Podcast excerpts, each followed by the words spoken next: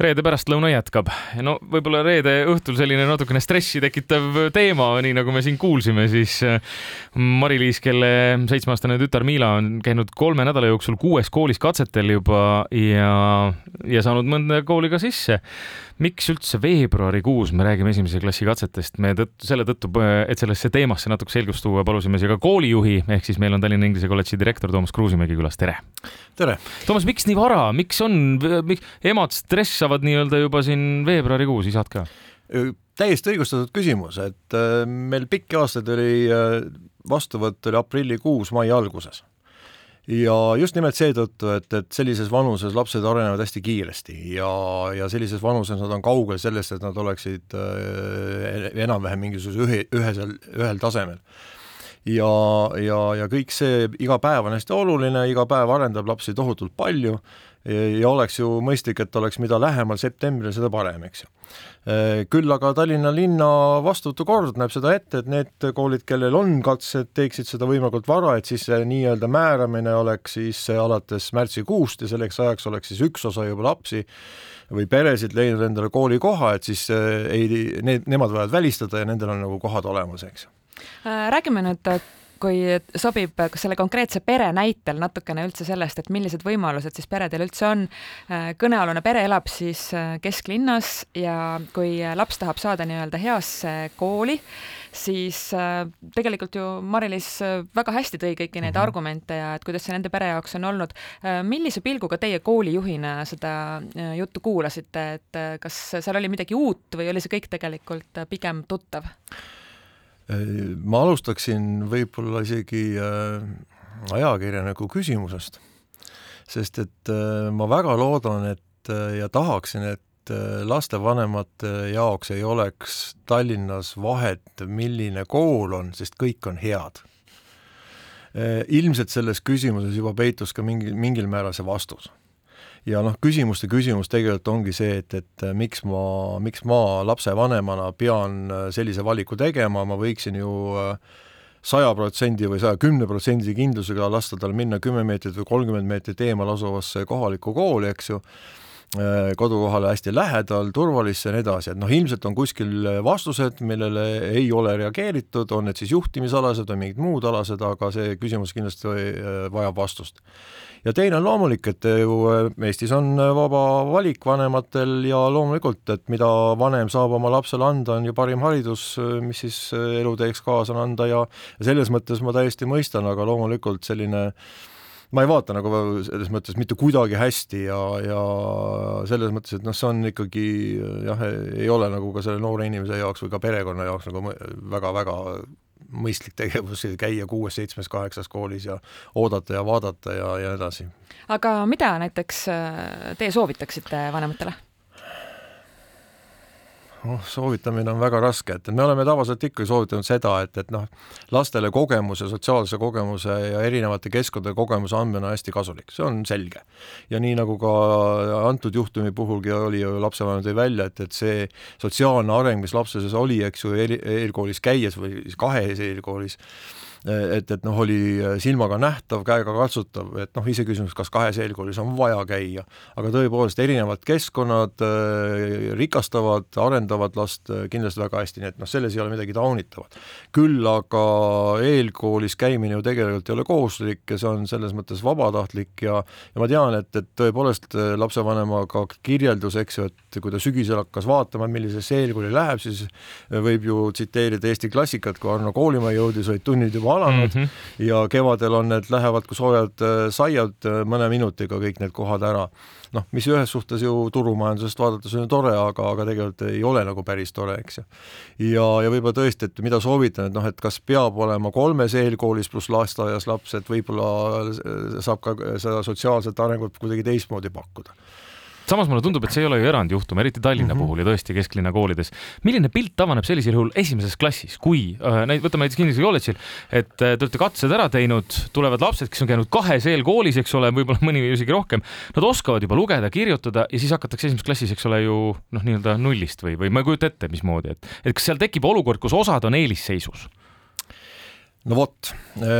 me sellist eelisseisu tegelikult ei tahagi ja kui ma räägin nüüd tõepoolest meie enda kooli baasil ja ma, ma väga ei võta sõna teiste koolide katsete sisu koha pealt, et igalühel on oma omad tingimused, omad, omad põhimõtted ja, ja, ja mõtestatud tegevus, miks nad neid teevad, siis meie küll vaatame lapse üldist arengut et me juba kümme, üle kümne aasta ei tee etteütlust ja nii edasi, et me just vaatamegi väga, et milline, kas ta on kooliküps, on kõige täpsem kõneles. nii nagu teadusuuringud seda vaatavad, keelelist arengut, matemaatilist mõtlemist, lugemisoskust, nii edasi. küll aga selles küsimuses tegelikult peitub üks tõsiasi, et alusharidus ehk lasteaed võiks lõpetada või tähendab, ütleme siis kool võiks alustada seal, kus lasteaed lõpetab, ehk aabits peaks algama seal, kus lõpeb alushariduse õppekava ja siin on mõningad käärid olemas ja see on tekitanud, tekitanud ka, ka elavat diskussiooni nii lasteaiaõpetajate kui kooliõpetajate ja, ja juhtide vahel, et see, see erisus tuleks ära kaotada, et siis ühtepidi kas lasteaias latti tõsta või siis äh, viime need aabitsad kooskõlla siis selle teadmistega ja nende oskustega, et tõesti, kas nad hakkavad tähti õppima alles või mitte, nii et, et, et tegelikult ütleme jah, see lapse areng, nii nagu ta on oma teadmiste, oskustega, on olulisem äh, lähtepunkt kui, kui see, et kas keegi on spetsiaalselt trilli teinud või mitte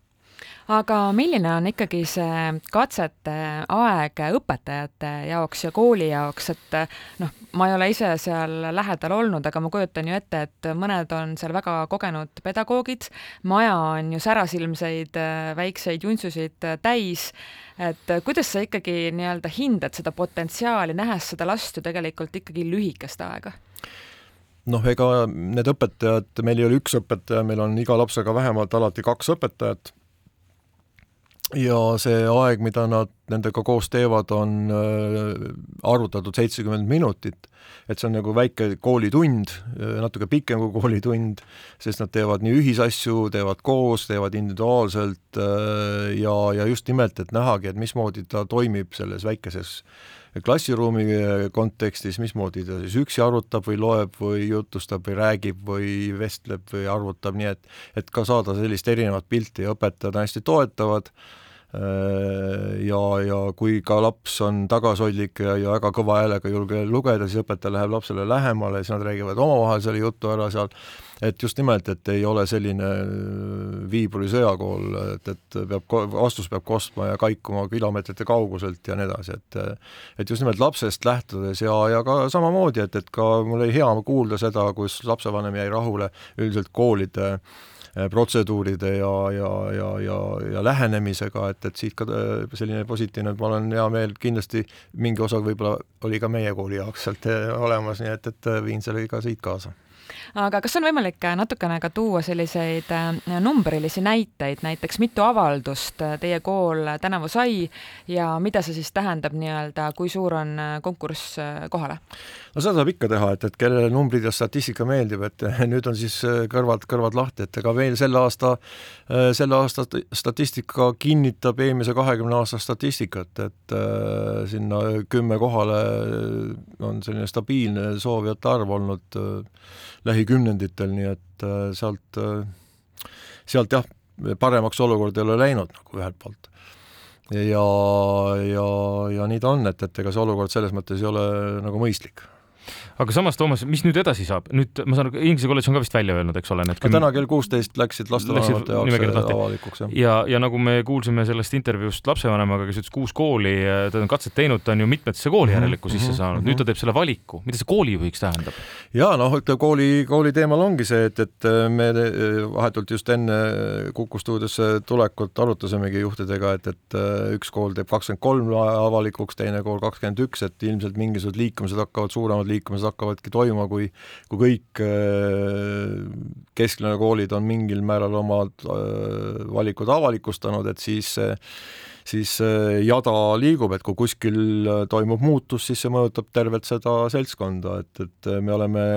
olnud ka olukordades, kus äh, põhimõtteliselt vastuvõtt kestab kuni kolmekümne esimese augustini, nii et, et ega, ega ka see ei ole ju kindlus, kui täna lapsevanem ütleb, et jah, ma tulen teile, sest meie ju tegelikult koolis ei tea, mis on selle perekonna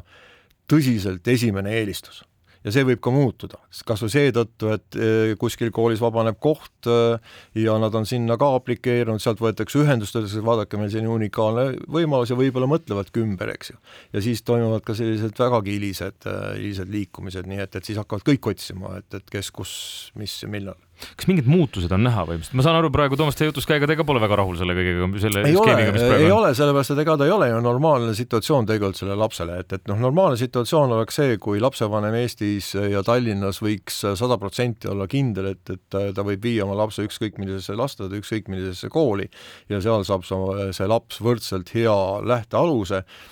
põhikooli ja gümnaasiumi või, või mis iganes haridustee jätkamiseks, eks ju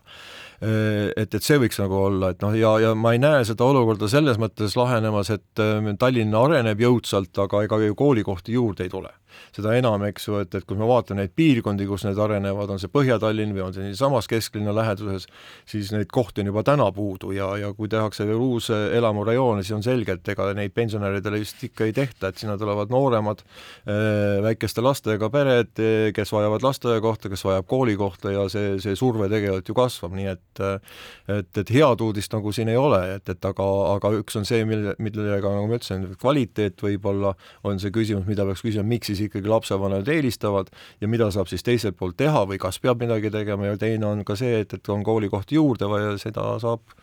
lahendada ju neid luues. Toomas Kruusimägi, aitäh tulemast ja jõudu tööle! suur tänu!